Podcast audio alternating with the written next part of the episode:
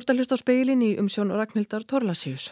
Lífbeltisreiki stjórnuleitari, lífbeltisreiki stjórnuleitari kemur við sögu í speiklinum í kvöld og við höldum áfram að skoða rauksamdir þeirra sem að efast um hlínun jarðar, orsakir hlínunar og afleðingar. En við byrjum á málefnum Grindavíkur því að meðan jörður ís undir svartsengi eða á meðan að jörður ís í svartsengi og grindvikingar býða sjálfsagt með undina í hálsunum eftir því sem að verða vill standa margir frammi fyrir flóknum spurningum. Á ég og mitt fólk að búa áfram í bænum okkar og þá hvar? Ég rætti við Allageri Júliusson, sviðstjóra skipulags og umhverfis sviðs Reykjavíkubæjar og spurðan hvort að hefðu margir bæjar búar sett sér samband við bæin og sagst að reynlega vilja losna við húsið sitt og flytja burt. Já, það hafa ekki margir verið að ringi í mann og smarið meira bara orðið var kannski við þessu umröðu bara samfélagsmiðlum þessum samfélagsmiðlum sem hafa verið stopnaðar hérna á grúpurinn á Facebook þess að fólk er svona að velta þessu upp. Að við getum í svona sér ekkert svarað þannig spurningum á þessari stundu. Fyrir þá sem heimlega bara vilja ekkert búa eru kannski heilu húsi. Við svörum því ekkert sveitafélagi það er náttúrulega bara eitthvað sem að verður skoðað og þarf að framtíðinu með, með þá ríkistóttinni og undir svoleiðis ákvarðinu það er náttúrulega að liggja hættum að fyrir sveitafélagið og, og allt það. En það er vissulega fólk sem er í tjónuð um húsum og getur ekki flutt heim og, og jáfnvel bara húsin alltjónuð gerur hún ít, þannig að þeir flytja allavega ekki aftur í þau hús. En fólk sem er með skemmt hús sem hægt er að gera við, hvernig verður þessu hátta með viðgerður og slikt? Hvernig getur það farið fram? Við erum náttúrulega að læra á stað í slíka vinnu. Við erum komni með, hvað ég var að segja, fyrsta svona alltjónslistan frá Náttúrhafartríku Íslands þar sem þeir eru búin að senda á okkur hvaða hús það eru sem eru allavega hluta af þeim húsum sem eru alltjónuð og þau líka náttúrulega langlegst bara á og við það stóra miskengi sem að gengur í gegnum bæinn sem við höfum verið að kalla staðbólstjórna og það er ákveðum bæjastjórnar að ákvarða um það hvort að það verður hennilega gert við þau hús og þau endurbyggðu eða ekki svoleiðis ákvarðanir verða teknar að einhver leiti fyrir þau alltaf sem er og kom búist til okkar tilkynningarum frá NTI en við gerum ráð fyrir að þetta verkefni verðum að fá tilkynning frá NTI um alltjónsús svona eitthvað svona fram á út kannski fyrsta þriðjungu næsta ári þá kannski verðum við örglega ennþá að fá endaleg tjónmött frá nátturálduríkum en, ég held að svona búið að skoða held ég sem vonandi flest af þessum mest tjónuðu húsum það er bara ákvörðum sem þarf að vanda mjög vel til verka varandi það hvort að það verði endurbyggingaskilda og ég ger nú bara ráð fyrir því að það verði skoða sérstaklega vel við þessa sprungu. Hvort að sé hreinlega ekkert viti því að vera byggja þann aftur? Já, skipunarslögur náttúrulega hveða á það að það með ekki byggja á, sprungu þannig að við hérna, þurfum bara að, að horfa á hverja lóð fyrir sig, skoða hver sprungan er, hvernig húsi likur aðinni og þau hús sem að líka hún á sprungu og eru alltjónu þau náttúrulega eru ekki endurbyggingar hægt.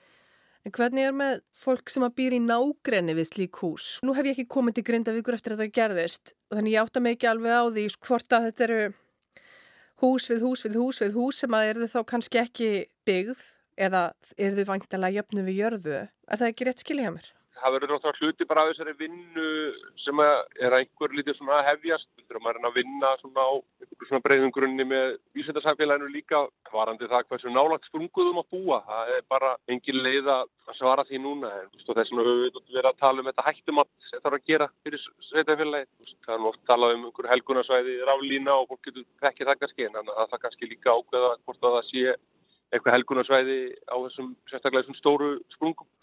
Þetta getur tekið langan tíma? Já, það er sko hættum að svinna sér slík mun alveg taka langan tíma en það er alveg hægt að taka ákvarðanir um endurbyggingaskildu samt í millitíðinni ef að, ef að húsin eru alltjónuð. Það vantar eru nú verið regluvekt fyrir okkur sambærlegt við oflóðasjóð þar sem þú ert með löginum snjóflóða og skriðufalla og oflóðasjóður hefur þá ákveðið hlutverk þar og okkur heimildir það til þess að kaupa hús sem eru á hættusvæðum en það er ekkert slíkt til fyrir þær hamfæri sem hafa gert núna í Grindavík varandi þess að ná jarðvá. Við höfum kallað eftir því við, við ríkisaldið að það er alltaf að setja þá vinnu í ganga að bú útbúa regluverk fyrir hvers konar náttúr og hamfæra sjóðu eitthvað slíkt sem að gæti þá gripi sveitafélug eins og okkar og þetta snýð þá hérna, meðal annars að því að kaupa bú sem eru á skilgjöndum hættusvæðum og í kringum þá sprungur eða eitthvað slíkt. Okkur vantar það þess að dagana má þá fólk sem er í skemdum húsum búast við því þessu kannski margir mánuður í það að komast ekkur botn í hvað verður um eignina þeirra? Nei, þetta gæti alveg gerst aðeins hraða sérstaklega náttúrulega húsin sem eru alkjónuð sem enn tímun þá bara borga út að fulluðis samræmi við, við lögin sem gilda um náttúrafrættiringar Íslands að það er hægt að taka ákvörðun til þau hús strax en svona hlutatjónshúsin munu taka lengri tím og eru svona erfiðari tilvíkur líka náttúrulega lengra frá sprungunum og að skoða það svona doldið heildrætt. Býstu við að byggðin í Grindavík færist til eða verði færð til? Uh, nei, ég á ekki vona því en auðvitað Svo ég tali áfram hættumæti, það er þannig náttúrulega að byggja þá á hættumæti, vísundunum, hvað er óvægt að búa, hvað er ekki. Það breytir náttúrulega kannski líka bara byggðinni hjá okkur, við erum nýbúin að skipa líka nýtt hverfi, hérna austast í bænum og það eru til dæmis staðirfrungur sem við vissum ekki um, sem er líka gegn, sem er náttúrulega breyta struktútum í því hverfi. Þannig að þetta mun svona breyta svona yfirbræðir kannski byggðarinnar hérna hjá okkur, hvort að byggðin fær, færist til á ekkert endilega vona en, en kemur þá í ljós í í þessari vinnu vikið hættum að þessu fyrir dag. Allikir Júliusson, sviðstjóri skipulags og umhverjusviðs Grindavíkur. Takk, gangið vel.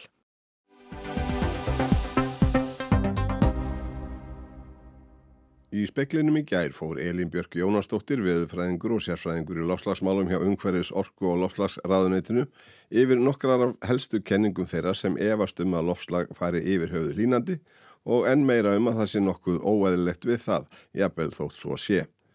Elín fór líka yfir nokkra rauksamdir efasemda fólks fyrir því að allt talum að hlínun jarðar sé á mannavöldum sé bestafalli miskilningur eða gölluð vísindi en í vestafalli vísvitandi blekkingar og samsæri. Við höldum þeirri yfirferð áfram í dag og byrjum á þessu. Það eru mörg kulda og hitaskeiða baki, löngu fyrir innbyltingu. Á miðöldum var mjög hlýtt og enn hlýra áður en maðurinn kom til sögunar yfir höfuð. Það þarf sem sagt hvorki mannkynnið nýja yðna þess og losun til að hýta heiminn. Já, hér þurfum við að skoða hraðan á umbreytingunni og loftlagsfræðingar hafa aldrei afnita því að það hafi verið hlýri skeið. Það eru bara miljónir ára síðan og þá var þetta bara allt öðru sér aðstæður uppi á jörðinni en hraðin á breytingunum núna, það er það sem að veldur því að, að lífkvolfi næri ekki aðlagast og við erum að valda þessari hröðun. Hröðunin á breytingunum er ekki náttúruleg. En nú er losun manna á koltísinningi bara brota brota heldar losun loftegundarinnar. Já, það hefur nú marg oft verið uh, rakið og til dæms það eldfjöldspúi miklu meiri loftkoltvísiringi heldur en mannkynnið og eitthvað slikt, sko þetta hefur verið rakið bara mjög víða og, og aftur sko að eðlileg ringrás, hún getur alltaf haldið áfram og, og verið bara eðlileg og, og andrumsloftið og lífkólfið bregst við því og aðlegast því en við erum svo að bæta í þannig það er aukningin sem við bætum við sem er að valda þessum usla. Koldvísýringur er ekki eini áhrifavaldur lofslags, til dæmis er vaskufan langöflugasta gróðurhúsaloftegandin. Uh, nei, vasku var ekki lang upplugasta gróðrúsaloftegundin en hún hins vegar uh, hefur talsverð áhrif. Vaskufa eða magnvaskufu í andrumsloftinu hefur hins vegar ekki breyst að neinu ráði fyrir utan það eftir því sem að lofthjúpurinn hlínar þá veldur það meiri uppgöfun. Þannig að syns, aukning vaskufu í, í lofthjúpnum er vikslverkun og kemur til af aukningu CO2 því að hún kemur til af því að við erum að hita lofthjúpin og þá ber lofthjúpurinn meira vatn og þar með verður meiri vaskufa. Þannig að ef við myndum draga úr hlínun þá mynda samaskapi draga úr vaskufinni.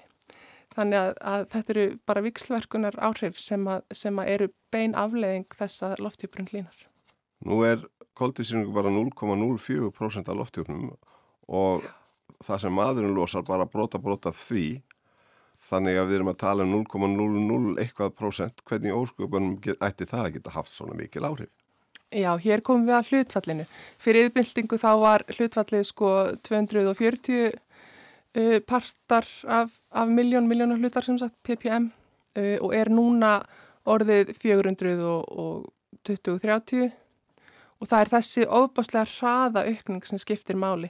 Það skiptir ekki máli sko eitt atom eða fjögur eða tólf í hlutfallinu heldur bara að við erum að auka magnið svo hratt og það er það sem að skipti máli, þetta er bara eins og með kól, þú getur alveg kasta sjöndi heitu einu kóli eitthvað og það getur valdið miklu meldsó að þú þarft ekki alltaf að byggja bál sko. En nú er kóltvísýringur eins og efasemdar fólk bendir á náttúruleg loftegund en ekki mengun. Einmitt. Kóltvísýringur er náttúruleg loftegund og hluta þessum náttúrulegu gróðursa áhrifum. En við erum að bæta við, þannig að að hluti sem við bætum við með brunajærðarnældsniðis er ekki í raun og veru af náttúrulegum orsökum. Það er ekki náttúruleg losun sem verður þarna og þannig að við erum að setja kerfið úr jafnvægi. Eðlisvæðin á bakvið þessi gróðursáhrif svo kalluð er mjög vafasum. Alls ekki. Þetta er nú líklega eitthvað það sem er sko best, ég hvað ég að segja, skjalað og hérna, ítrekað endurteknar tilraunir sína öll að lofttjúpurinn náttúrulega inniheldur gróðurhúsa áhrif. Það eru náttúrulega gróðurhúsa áhrif sem að gera jörðina lífanlega og við erum svo auka í og þetta er bara mjög vel dokumentrað. Það eru sólgeislar eða geimgeislar sem valda hlínuninni þessi síðust ára en ekki gróðurhúsaloftegundur. Nei, það er nú einmitt eiginlega öfugu farið sko að hérna aukning á vaskufi og aukning mögulega þá skýja til dæmis veldur sko meiri endurkasti sólgeisla frá jörðinni heldur en hitt. Þannig að ský til dæmis hafa kælandi áhrif og, hérna, og eftir því sem að loftið er mengaðara og, og hérna, vaskufan þéttist meira þá í raun og veru endurkastast meira af sólaljósi þannig að við ættum í raun og veru að sjá sko, kælingu ef ekki væri fyrir líka með þessari dæmis loftmengun ef ekki væri fyrir þá þessi auknu gróðusar. Hlínunin er að völdum sjávar? Nei, hlínunin er einmitt uh, milduð af sjónum. Sjórum tekur upp mjög mikið koltvísýringi líklega allt upp í eitt þriðja þannig að ef að ekki hefði verið fyrir þann sagt, uh, þá upptöku að þá væri við að sjá miklu meira af CO2 í andranslofti. Lofslagslíkon eru óáreðanlega eins og raungspáum Ísöldu á 8. áratökum sínir. Þessum er engin ástæð til að taka marka á svoleiðis líkonum núna en þetta er þetta bara líkon. Já, veðspár hafa batnað alveg gríðarlega frá því að 8. áratöknum og loftslagslíkun líka og það er full ástæði til þess að leggja tröst sitt á loftslagslíkun það þarf þetta bara þekkja takmörk þeirra. Auknar aukari viðfari þær má kannski mæla og sjá en þær tengjast ekki línun jarðar.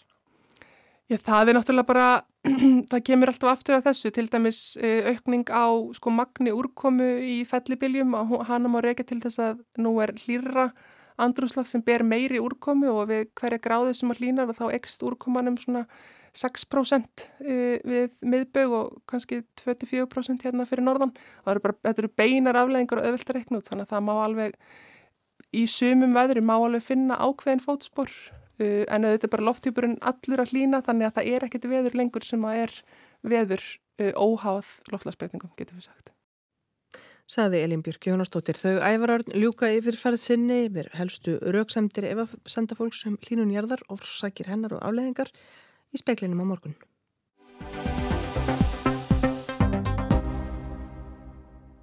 Guðmundur Kári Stefánsson, stjarnæðlisfræðingur við Princeton Háskóla í Bandarækjónum leitar að fjár reykistjörnum í rannsóknum sínum, meðal annars með aðstóð lífbeltis reykistjörnu leitara lífbeltis reykistjörnuleitara.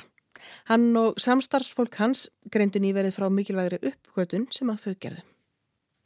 Við uh, fundum þá um, vorum að tilkynna funda á mjög spennandi nýri fjárreikistömu sem er þá reikistuna í uh, kringum sportbraut, kringum aðra sólu en um, sólun okkar og þetta er þá fyrðu stór reikistuna í kringum fyrðu litla stjörnu svona fyrir fólk út í bæ þá skilum maður ekki alveg af hverju það er svona óvinnilegt. Hva, hvað er svona merkilegt við það? Jú, það er svona áhugavert við uh, þennan fund. Þetta er þá reykistamæð sem er í fyrsta skipti sem við hefum fundið reykistamæð sem hefur uh, massa á við Neptunus í mjög nálagi sportbröð, yngringum mjög massa litla uh, stjörnu. Og það sem kemur óvart er að þetta er fyrðu stór reykistamæð í kringum fyrðu litla stjörnu sem er að vekja upp einstaklega eh, spurningar um hvernig reykistjörnum myndast í kringum massa minnstu stjörnunar sem eru langt algengustu stjörnunar í veðarbeitinni. En nú er þetta kenningar um myndun reykistjörna í kringum slíka stjörnur benda til þess að slíka stjörnur geti eiginlega bara myndað bergreykistjörnur með massa svipaðins og jörðin. En þessi reykistjörna er tölvöld massa meiri. Hún er sannlega gasreysið sem líkist Neptunus. Já, hún er miklu, miklu stærri. Já. Kom þetta ykkur á óvart? Já, við erum að, að kera út stóra uh, köllin með nýju tæki sem heitir á ennsku Habitable Zone Planet Finder sem við getum þýtt á íslensku sem lífbeltis reykistjörnu leitaran sem er um, litgreinir og tæki sem ég uh, hef hjálpað til að hanna á smíða á 10 metra sjóningunum í Texas. Og um, við erum að keira þá út stóra kannun til að finna, við erum aðalega að reyna að finna bergreikistjörnur í svo kallum lífbeltum um, í kringum nálagar massa lítlastjörnur en við vorum alveg steinhissað þegar við fundum svona massa mikla uh, reikistjörnu því við vorum að vonast til að finna þá þessar bergreiksendur. Það væri þá kannski eins og að finna mögulega strútsegg eh, í eggjabakka eh, eggjabakkanum þegar maður að kaupa inn eh, egg í, í bónus. Þannig að þetta er svona eina af þessum uppgötunum sem að eiginlega vekur fleiri spurningar en hún svarar eða hvað, því nú þurfum við að fara að skoða betur sko, byrju, hvað, hvað er þetta er þetta umturnar þetta öllu? Já, við þurfum uh, að um, endur skoða þá í, í greinni sem við um, fengum byrst uh, núna í tímarítunni Science núna á, á dögunum. Uh, þá þurftum við að endur skoða hvernig myndun reykistana á sér stað í kringum massa minnstu stöðunar og við reyndum þá að keira tölvörta líkunum til að reyna að útskýra hvernig slíkar plánetur myndast og út frá okkar útreikningum þá bendir allt til þess að ríkskífan sem þessi pláneta myndaðist út úr sé að minnstakosti tíu sinnum er ekki hundra sinnum massa meiri en venjulega talið en plánundur har myndast út úr um, þá svokallum skífum sem er þá skífur af um, gasi og riki sem uh, ringsóla í kringum uh, sólu sína þegar sólkerfið er mjög ungt. Og, svona, og svo smám saman byrjar að þjappast saman? Akkurat. Þá efnið uh, í ríkskífinni þá byrjar að klumpa það saman, það uh, myndar litla steina sem klessa saman í stærri hnutlunga og stekkar og stekkar og stekkar þannig til að frum plánandir eru til sem getur þá samka að sér frekari gasi til að þá mynda að lokum reykistundum. Hvað gerist næst?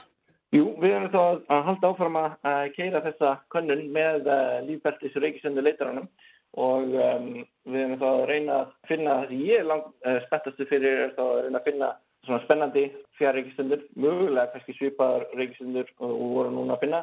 Þetta var þá fyrsti fundurinn á reykisinu sem, um, sem hluti af þessari kunnun en ég er líka svaka spenntur að finna bergreikisinur í lífbeltum. En lífbelti er þá það svæði í kringum uh, sólu sína þar sem uh, vatn geti verið á vökaformi á yfirborðið reikisinnar. Það er þá ekki of heitt og ekki of kallt heldur akkurat passlegt til að vatn geti verið á vökaformi. Já og þá þarf stjarnan að vera almennileg, gefa frá svo svolítið heita, er það ekki? Jú, uh, akkurat nógu hitta, uh, nógu mikið það má heldur ekki vera of heitt en heldur ekki of uh, kallt en bara akkurat passlegt til að vatn geti ekki frósið eða, eða svoðið á, á yfirborðinu. Svona bara svolítið eins og er hjá okkur? Já, akkurat. Það er þá yfirleitt fyrst í staðurinn þar sem það eru enda stóra spurningar í, í stefninsfræðinni og bara yfir höfuð hvort að við séum einn í, í alheiminum og þegar, þegar stórti spurt þá þurfum við svona brjóta niður uh, þá stóru spurningu í, í, minni einingar og þá helstu hugmyndur um hvar uh, væri best að byrja að reyna að finna líf er þá mögulega í kringum þá bergsreikstundur í, í lífbestum. Já, þetta er alltaf stóra spurningin. Er líf annar staðar? Já, ég er mjög spenntur fyrir að reyna að svara þeirri uh, spurningu þá mögulega á næstu árum og áratugum. Ég veit ekki alveg hversu langa tíma að taka en Stjarniðisfræðin og fjárreikistundufræðin eh, er að breytast uh, mjög uh, hrætt. Fyrsta fjárreikistundan var bara fundin uh, árið 95, þá hvað, fyrir 30 árum og núna veitum við um yfir 5.000 fjárreikistundur og það bara fundur á, á fleiri, bara ekst og ekst og um, ég er bara mjög spenntur fyrir að reyna að sjá hvort ég getum tæklað þessa, þessa stóru spurningu og fengi, fengi betri svör núna á næstu árum áratugum sagði Guðmundur Kári Stefánsson, stjarnæðilisfræðingur við Prinstón Háskóla í Bandaríkjunum. En fleira er ekki í speiklinum. Tæknum maður var Mark Eldredd. Það er ekkert að hlusta á þáttin í spilaranum á rúf.is og helstu hlaðvarpsveitum. Verðið sæl.